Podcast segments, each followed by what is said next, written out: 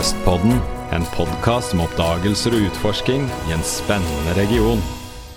Hei, jeg heter Eivind og er på tur gjennom regionen vår, og har kommet nå til Baugsberget over Alvdal.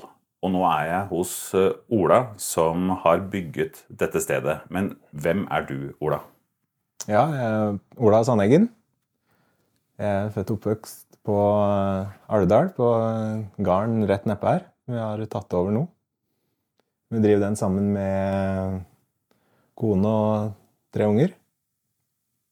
Ja. Det, Men jeg har, jeg har ikke møtt deg før. Eh, Jeg har ikke sett dette stedet før. Eh, Kjørt gjennom Alvdal mange ganger. Eh, Og det er helt magisk å komme opp hit. Eh, Og det skal vi snakke mer om. Eh, Hvordan fikk du ideen til å lage noe som helst her oppe? Eh, ideen, eh, ideen her, den, eh, den kommer egentlig fra en tur jeg hadde sammen med en kamerat da jeg var 16 år. Det var et par dager siden, altså. Ja, det, det er halve livet siden. Ja. Men eh, da, da satt vi på, i påska her et år og, og åt appelsin og nøt utsikten. Og den turen Det ble ikke noen mange turer av det etterpå, men den har brent seg fast. Så eh, etter at jeg dro ut og, og studerte, så var jeg hjemme her hver sommer og hadde sommerjobb. Og den ene sommeren da jeg jobba i kommunen, så tok jeg med meg sånn ryddesag, sånn sage grener, og kunne rydde til et utsiktspunkt like bortpå her. Det var mye visvas i veien for utsikten. Og etter, eh, etter å ha høgd til den, den plassen og, og fikk vist fram den, så, så ble det mer turer opp på, opp på berget, da.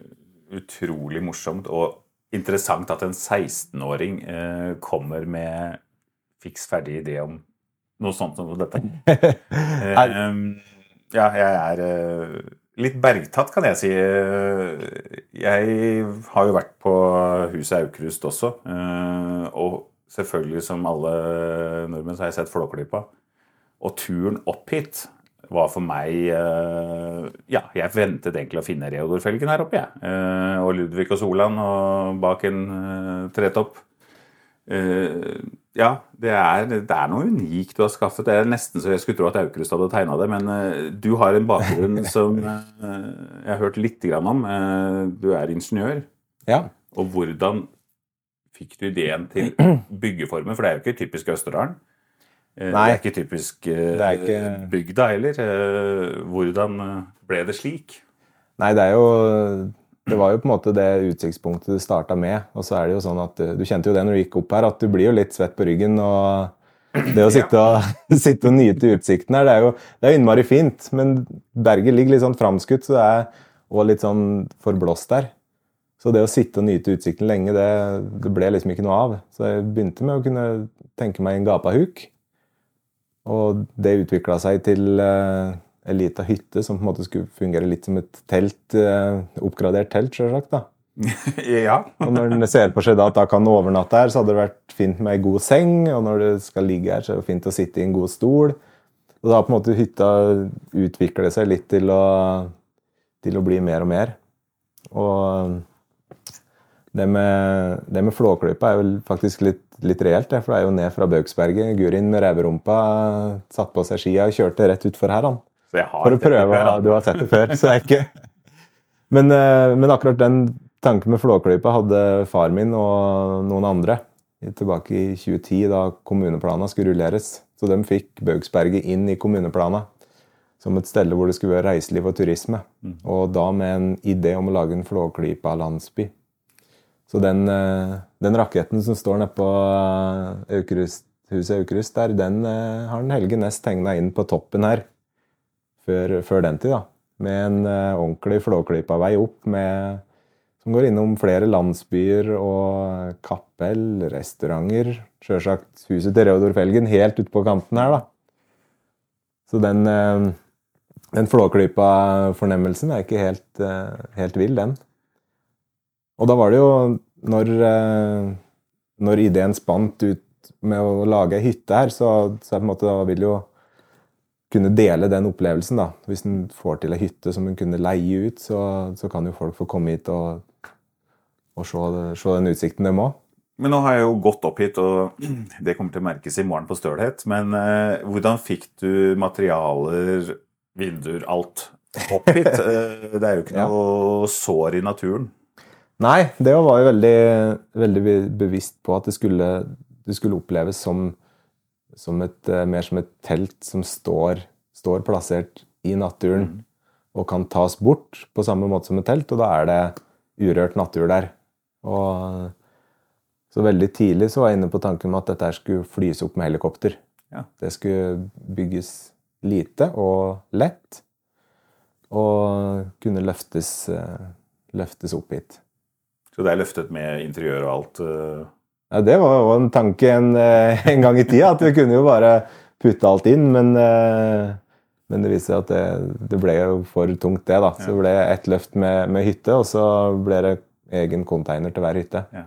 Som interiøret, som interiøret kom, kom, opp i. Så da var det egentlig ikke noen hindringer da, å få disse tre hyttene dine opp hit?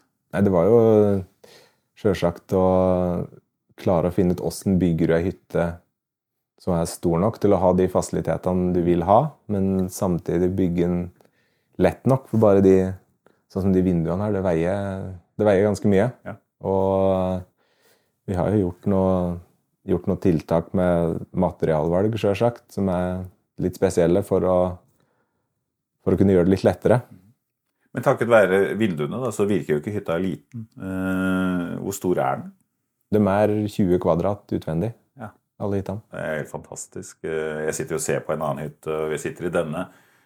Hvorfor ble det denne stilen? Eh, for det er jo ikke norsk hytte, dette her. Nei, det er ikke det. Og det, da var det litt det jeg sa, at uh, vi vil at, vi vil at hytta skulle liste seg litt på plass. Han skulle Vi har tatt tak i de formene som er i berget, med noen bratte fjellskrenter, grantre, furu og noen bergknauser, som, som på en måte utforminga har eh, bærer, bærer preg av det. da.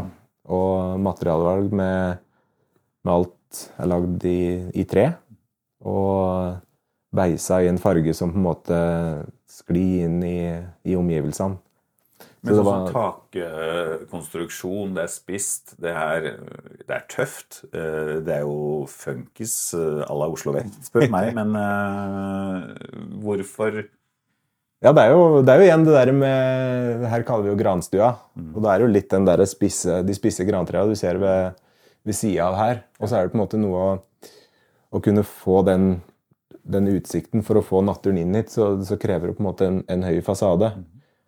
Men hvis du da klarer å ja, bygge en spiss, så klarer du å dempe den litt i bakkant. Hvis jeg hadde hatt eh, den høyden hele turen, så hadde det hadde blitt en sånn en kloss ja. som, ikke, som ikke passer inn. Så hvordan altså, er de forskjellige hyttene? Er det like? Er de Nei, det var, det var en tanke at uh, hyttene skulle plasseres på forskjellige steder, sånn at de har litt forskjellig utsikt. Og de skulle ha litt forskjellig design, sånn at det blir tre forskjellige opplevelser å være i de forskjellige hyttene. Og med fire forskjellige årstider så har vi egentlig tolv unike opplevelser i uh, Så jeg må gå opp tolv ganger? Altså. Så du har uh, Ja. Altså i, eh, i utforminga så var vi opptatt av å ikke ha så mye inne i hytta. Det er på en måte det er, det er, utsikten som skal ta oppmerksomheten din. Det er på en måte, Vi skal ikke ha store omramminger og ting som, som, krever, som krever, blikket ditt. Nei. Men så vil vi ha kvalitet i de tinga vi, vi putta inn. da. Men sånn som Når du sitter her da en kveld, eh, hva slags dyreliv eh, får du i TV-skjermen, som jeg kaller det. For det, du har jo ikke TV her, selvfølgelig, for det, det trenger du ikke. Nei, du, du, gjør ikke det. Vi har jo Det er jo mye Rett utfor her så er det jo en, en skrent som rovfuglene er veldig glad i. Så den, den kan du være heldig å se. Ellers er det mye småfugl og Det hopper harer rundt her. Og ellers er jo andre På turen opp så har jeg truffet skogsfugl og hjort og sånn, men det er jo mer det er dyr som er litt mer sky, så de kommer jo ikke tuslende utafor hytta. Og vi har heller ikke noen sånn strategi om at vi skal mate ekorn for at de skal skal komme, komme inn hit. Det, det skal være mer naturlig. Kommer de, så kommer de. Ja, det er mer det. Men gjestene som kommer hit, øh, hva gjør de? Hva gjør de på sommeren? Hva gjør de på vinteren? Øh, er det bare å sitte og se, eller er det et eldorado av muligheter? Det er jo et eh, eldorado av turmuligheter. Ja. Vi har eh, Det er eh, rundt eh, Bøksberget så går det en, en sti som går innom de gamle gruvene. Der det er en liten kultursti med en veldig, veldig fin tur på, på sommeren. Og så, og så er det jo, hvis du går ned fra Bøksberget og opp på baksida, så er du rett opp på Snøfjellet. Det Men det er også en gruvehistorie? gruvehistorie i, i Bøksberget. Rett overfor eh, Louise hytte. Her lærer jeg altså noe nytt, men det var vel også poenget med at eh, Tove sendte meg ut på denne turen. Eh, morsomt. Eh, hvem er det som kommer eh, hit? Hvem er gjestene dine? Gjestene har vært et veldig, vært et veldig bredt spekter. Vi hadde vi kaller dem ungdommere. Det er et par på, på 18 år. Vi hadde hatt par på 80 år. Og alt imellom der. Det har vært besteforeldre med barnebarn.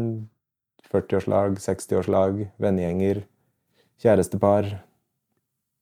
Hvordan eh, finner de ut Hvordan eh, lærer de seg at du er her, eller ja?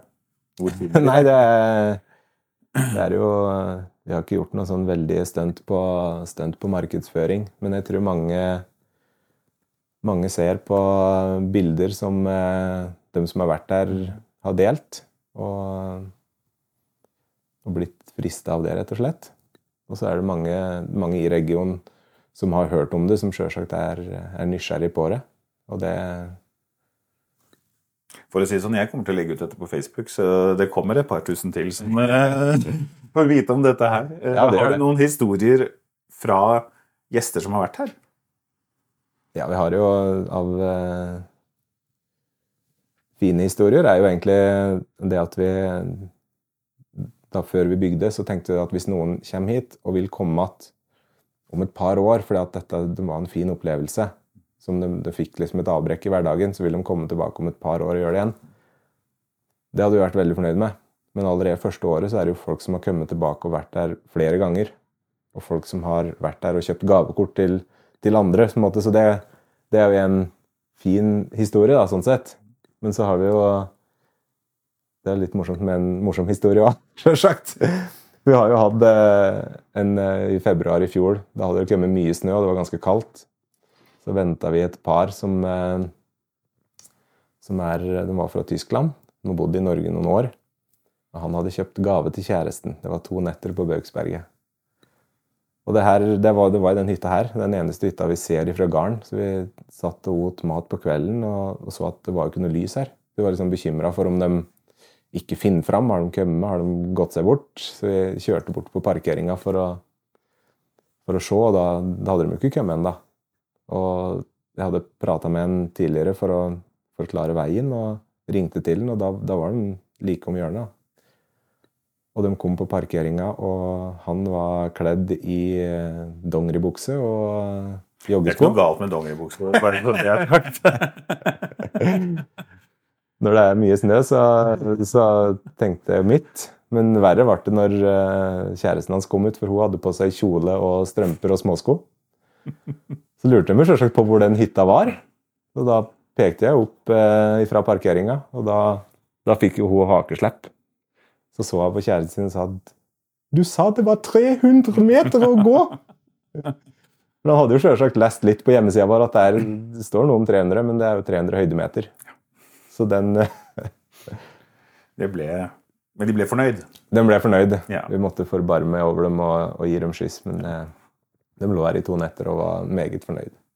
Ja, og jeg må jo si bare Når jeg fikk igjen pusten, så vet jeg jo at jeg skal tilbake. Og Jeg var et stykke nedi her hvor jeg var sånn usikker på om jeg skulle være i år, men eh, du skal se at sommeren er fin. Eh, men en liten sånn avrunding. eh, Du har ikke bodd i Alvdal, eller dere har ikke bodd i Alvdal hele tiden. Dere har hatt et opphold i Oslo. Eller, Vi hadde opphold i- Vi hadde opphold i Oslo. Vi flytta etter videregående i 2009. Så da har vi vært et år i Garden begge to. Og så har vi studert Jeg har studert fem år på Ås. Sivilingeniørbygg. og Janne frisør. Så mens jeg studerte, så jobba hun som frisør i Ski. Ja. Så vi bodde sammen der. Så fikk vi Når vi venta vår barn nummer to, da, Mm. da tenkte vi at det var greit å komme tilbake til røttene med besteforeldre og, og øvrig familie. Så vi, vi har hele tida visst at vi skulle tilbake til Alvdal. Ja. Så, så det er på en måte litt den familiesituasjonen som gjorde at det ble Men du verden hva dere har gjort ut av det å flytte tilbake. Eh, jeg må jo bare si at eh, kom til Baugsberget, for ja, jeg er imponert. Så tusen takk for at jeg fikk lov til å ta turen opp. Tusen takk. Jeg er spent på turen ned også, for jeg har joggesko. Tusen takk for besøket, så er du velkommen tilbake. tusen takk.